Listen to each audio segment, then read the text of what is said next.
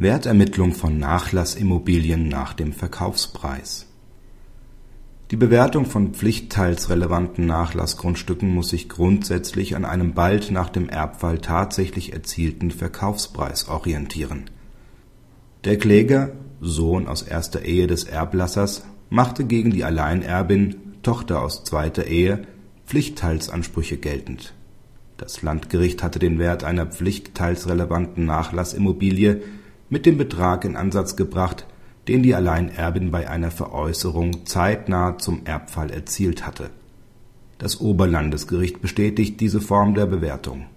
Für die Bemessung des Pflichtteilsanspruchs stellt § 2311 Absatz 1 Satz 2 BGB auf den Bestand und den Wert des Nachlasses zur Zeit des Erbfalls ab sogenanntes Stichtagsprinzip Entsprechend dem Grundgedanken des Gesetzes ist der Pflichtteilsberechtigte wirtschaftlich so zu stellen, als sei der Nachlass beim Tode des Erblassers in Geld umgesetzt worden.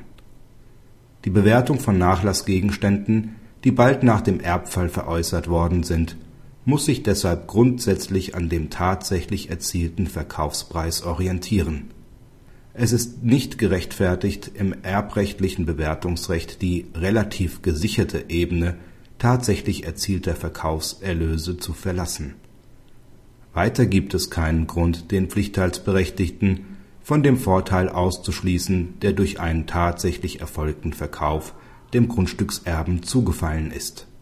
Hierbei ist aber zu prüfen, ob und in welchem Umfang der tatsächlich erzielte Erlös mit Rücksicht auf die Entwicklung der Grundstückspreise seit dem Erbfall zu korrigieren ist. Praxishinweis Wann eine Veräußerung noch zeitnah zum Erbfall ist, wird von der Rechtsprechung uneinheitlich mit fünf Jahren, sechs Monaten und sieben Monaten beantwortet. Als gesichert wird man eine Frist von einem Jahr annehmen können